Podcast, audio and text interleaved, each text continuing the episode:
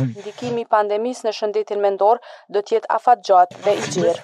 Një virus misterioz po përhapet në shumë qytete të këtij vendi. Qytetarët që kanë telefonuar për të kërkuar ndihmë, kanë shfaqur shenja të pasigurisë dhe frikës. Nuk e kishte menduar asnjëherë se djali i saj do të mund të infektohej me Covid nëntëmbëdhjetë.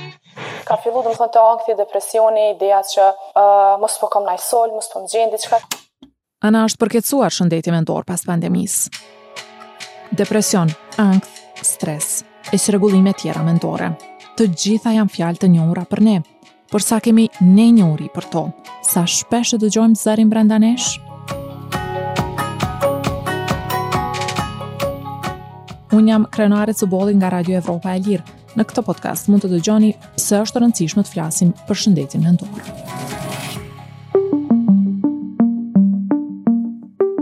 Në Kosovë nuk ka të dhëna të sakta sa njerëz vuajnë nga çrregullimet e shëndetit mendor. Organizata Botërore e Shëndetësisë thotë se një në tetë njerëz vuan nga një çrregullim i tillë. Këtë herë, në podcastin të flasim e kam ftuar profesorin Ali Riza Arënliu. Ai punon në Universitetin e Prishtinës, Hasan Prishtina, dhe është drejtor i Institutit të Psikologjisë që funksionon në kuadrë të universitetit. Me të kam biseduar se a flasim mjaftueshëm për shëndetin mendor. A ka alternativa për të kërkuar ndihmë në Kosovë, kur duhet kërkuar ndihmë dhe a jemi të rrezikuar nga pasojat që mund të ketë lënë mbrapa pandemia e koronavirusit. Profesor, faleminderit shumë që jeni sot këtu me ne në Radion Evropa e Lirë. Faleminderit edhe juve për ftesën dhe që po adresoni një temë kaq të rëndësishme për audiencën e gjerë. Pse është e rëndësishme të diskutojmë për shëndetin mendor? Shpeshherë njerëzit e ndajnë mendjen prej trupit, gjë që edhe ka parametrat mjaftueshëm për me nda njënën prej tjetrës, po këto të dyjat janë shumë ngushtë të lidhura me njëna tjetrën.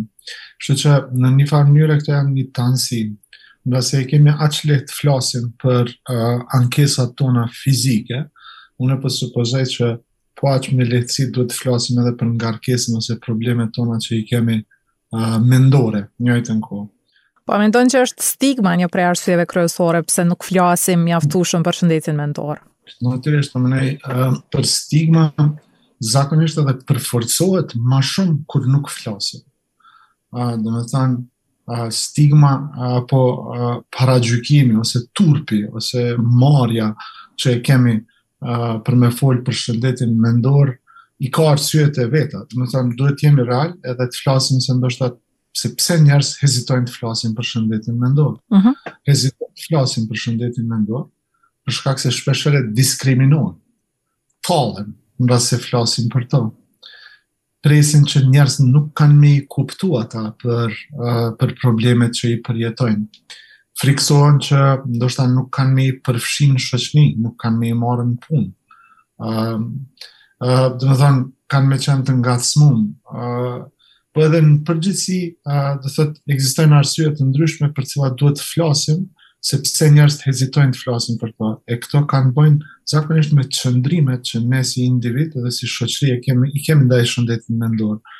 Në anën tjetër, një sen që po ndryshon në nivelin global, shëndetin mendor global, por edhe besoj deri diku në vendin tonë, është një rritje e vetëdijësimit për çështjet e shëndetit mendor, por mendoj që ende çështja e stigmës e këtij turpi për të folur për shëndet mendor është goxha prezente a, në shoqëri.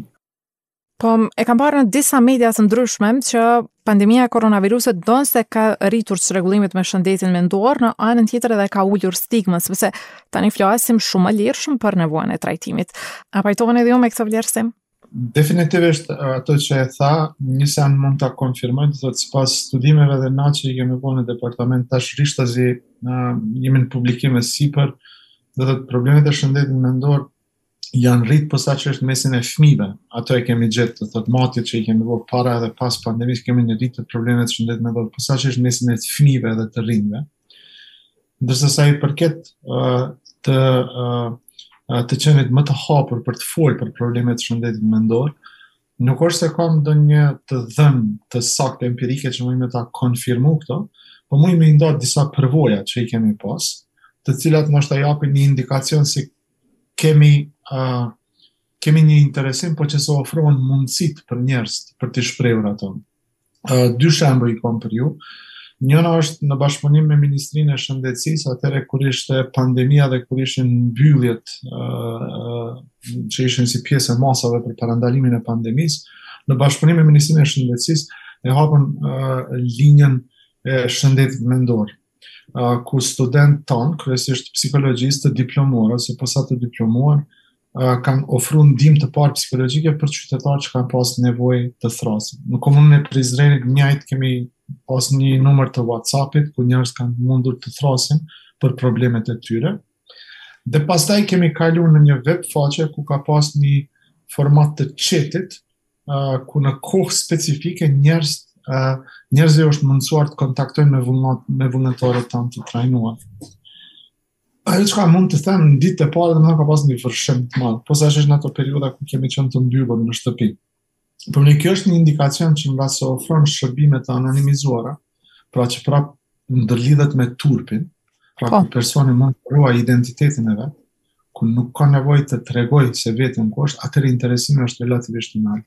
Pra, ne nuk duhet ta gjykojmë këtë situatë, ne që nuk duhet t'i turpnojmë njerëzit që kanë një turp, me siguri i kanë arsyet e veta, i kanë çështjet e veta, i kanë argumentet e veta, po ne çka duhet të ofrojmë, është t'i ofrojmë mundësi që ata të marrin informata të anonimizuara, në mënyrë që ata të kuptojnë se çka është duke ndodhur me veten për atë sa munden, edhe pastaj t'i ofrohet mundësia ku ata mund të kërkojnë ndihmë. Pas analizimit të kësaj situate, profesori Arënliu dhe kolegët e tij kanë shkuar një hap tutje.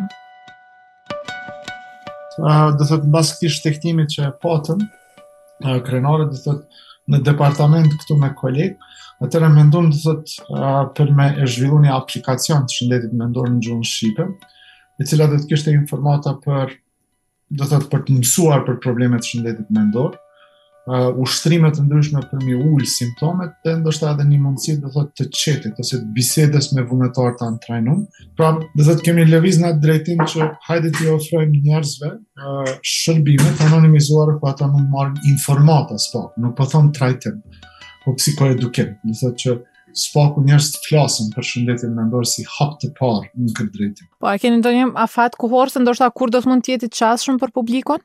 Pyetje e mirë. Uh, na kemi një beta version, të cilin pak po hezitojmë me lansu menjëherë, për shkak se nuk kemi ende fonde për me përcjellë.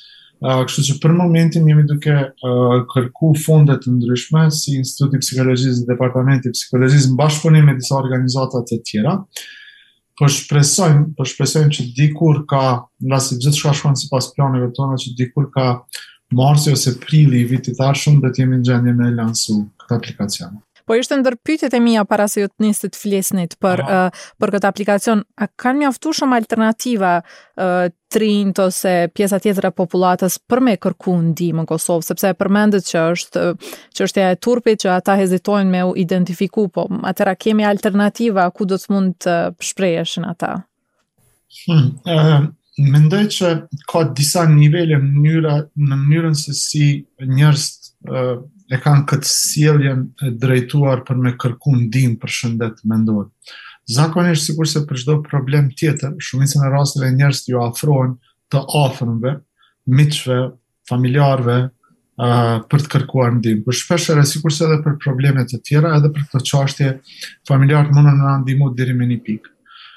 Një pjesë e, e të rinjve dhe qytetarëve të Kosovës që ndoshta zotërojnë një gjuhë të huaj, kanë një diapazon më të gjanë burimeve të informatave që munden me i marrë, qoftë në internet apo qoftë përmes aplikacioneve të ndryshme.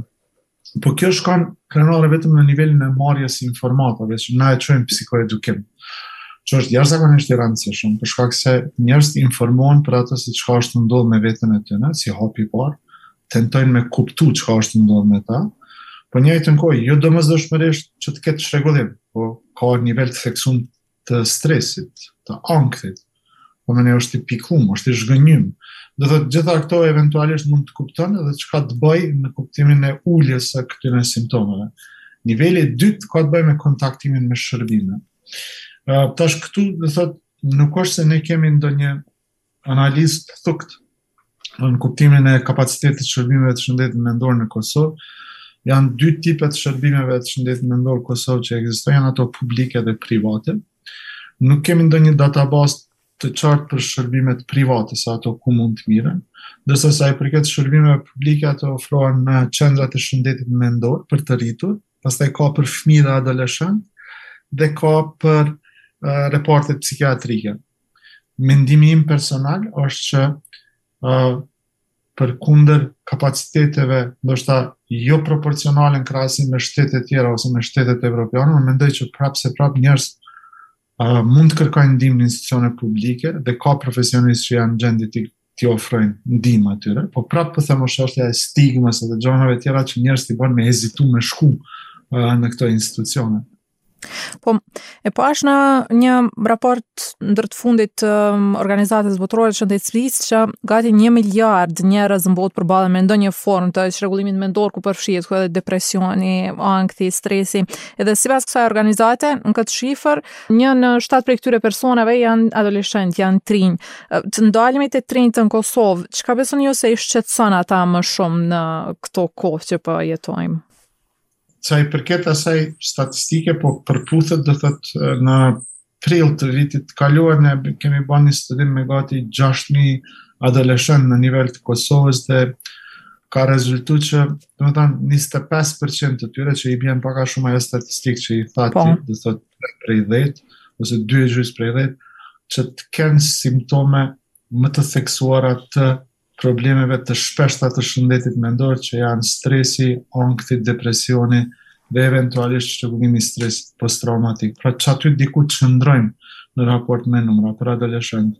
Sa i përket brengave të tyre, mendoj që uh, uh, janë pak a shumë mos të thom universale, por pak a shumë ka të bajë me preokupimet zhvillimore që i përjetojnë në mënyrë universale të rinjtë gjithandej botës.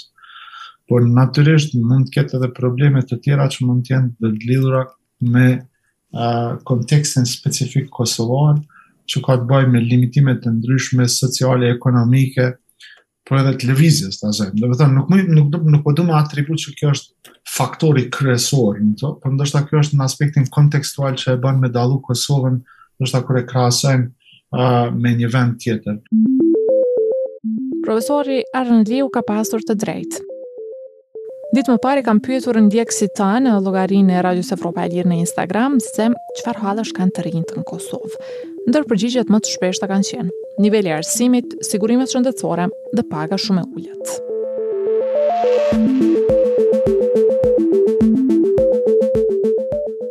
Po atëherë kur duhet të kërkohet ndihmë, sepse ne e biseduam që ka faktorë të ndryshëm e që ju thatë që megjithatë në Kosovë ekzistojnë disa qendra ku mund të kërkohet ndihmë, po kur është ai momenti që duhet të kërkohet ndihmë, sepse ndoshta secili prej nesh në një masë ndihet i mërzitun, po si ta dallojmë ndjenjën e mërzisë momentale me një mërzi afatgjatë?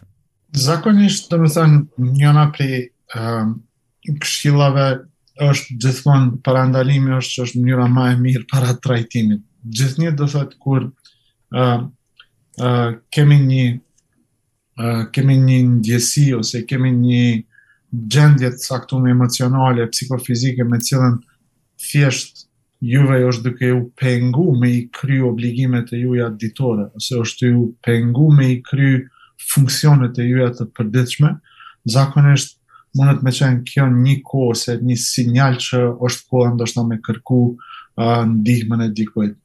Megjithatë, përmend rekomandimi im, përmend edhe rekomandimi në nivelin uh, profesional, është që mos të pritet të arrihet deri te kjo, për shkak se uh, uh, më lejoni të them që shumica e çrregullimeve uh, që i përmendëm edhe që i, i, i, i përmendëm në këtë bisedë, janë të trajtueshme. Pra, lajmi i mirë është që Çrregullimet e ankthit, depresionit dhe çrregullimet e tjera të stresit janë të trajtueshme në rast se ndërmerren me kohë edhe përcillen me profesionistë të caktuar. Pak po du me përmirësu veten, të thëtë, kur thash ka shërbime të shëndetit mendor, unë mendoj prap qëndroj mbi ato që e thash, po ndoshta jo në formatin që do të ishte miqësor për të rinjtë, miqësor për adoleshentë, për shkak se këto shërbime që po flasim tash, kryesisht për adoleshentë janë të koncentruar vetëm në qytete të mëdha, edhe janë në institucione shumë specifike. Si do të duhet dukej ndihma atëherë në në këto raste, në këshillim apo në bisedë e trajtim me të rinjtë? E para uh, është që uh, profesionistët shëndetësorë uh, që punojnë në mjekësi familjare edhe në shërbime të tjera shëndetësore duhet të induktohen më shumë me problemet e shëndetit mendor dhe të kenë aftësi themelore të komunikimit edhe të qasjes ndaj individëve që mund të kenë probleme të shëndetit mendor dhe ata të jenë në gjendje të identifikojnë ata. Në anën tjetër, mendoj që a, nuk është se nuk jemi në gjendje të vendosim psikologë shkollorë në shkolla. Sepse mendoj që kjo kishte me i kontribu këtij, dis, këtij kësaj stigme, këtij turpit, a, në raport me probleme të shëndetit mendor.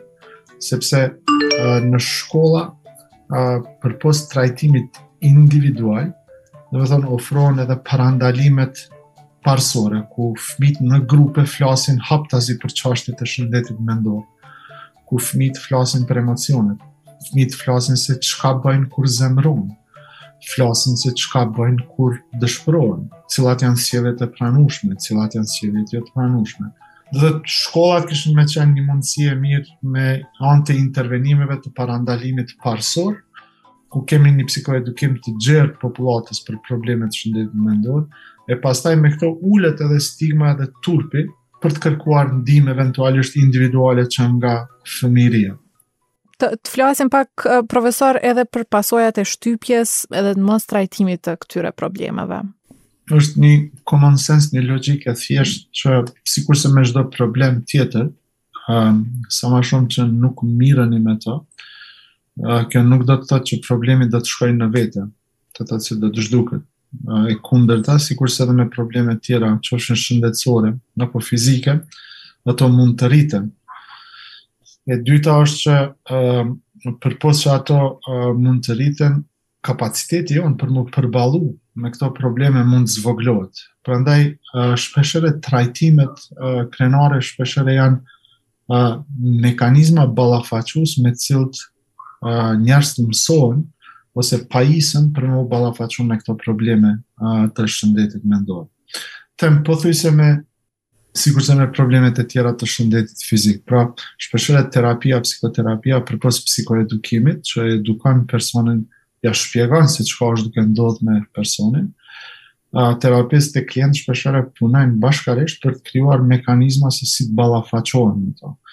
Andaj, trajtimi në një farë mënyrë nuk është ndonjë magji, po është në një farë mënyrë një proces ku secili prej nesh mund të mësojë si ta menaxhojë veten më mirë, të mësojë se si ballafaqohet me simptomet që i ka, të cilat janë tu i pengu funksionimin e tij të përditshëm, ose janë tu e pengu me mbri uh, potencialin ose maksimumin e vet. Uh, prandaj, për mu kjo është një mënyrë, domethanë, uh, qysh munemi me konceptu uh, këtë pjesën e terapisë. Po, profesor, nëpër biseda, sikur e kemi tendencën të flasim për pandeminë në kohën e shkuar, duke harru që efektet e saj ndoshta ende s'i kemi vrejt mirë. Ka disa që mendojnë që bota do të përballet me pandeminë e dytë, po në këtë rast jo me një pandemi të koronavirusit, po me një pandemi të çrregullimeve e problemeve mendore. Çka po na pret? Oh, Um, kjo, kjo pytje që thonë milion dollarëshe po. Një sen është e sigurt, domethonë, indikacionet e ndryshme, edhe studimet e ndryshme që janë tu ndodhë në laminë e shëndetit, shëndetit global mendor, ka indikacione në për rritjen e problemeve të shëndetit mendor, ndërsa në mosinvestime në institucione, gjithsesi në kapacitetet që ofrojnë shërbime të shëndetit mendor. Rezultati është evident, ëh, domethonë kemi me pas më shumë probleme të paadresume, më shumë uh, joefikasitet, më pak produktivitet, edhe eventualisht edhe problemeve të tjera uh, sociale uh, të cilat munden me na u manifestu si rezultat i kësaj. Atëherë, fjalët kyçe të kësaj bisede për mua ishin lajmi i mirë që edhe këto çrregullime kanë trajtim, që duhet të punojmë në parandalim, të kërkojmë ndihmë, dhe që të mos shtypim ndjenjat tona. Porosia e profesorit Arënliu ka qenë aq e mirë sa që e përmbyll podcastin e sotëm. Dëshiroj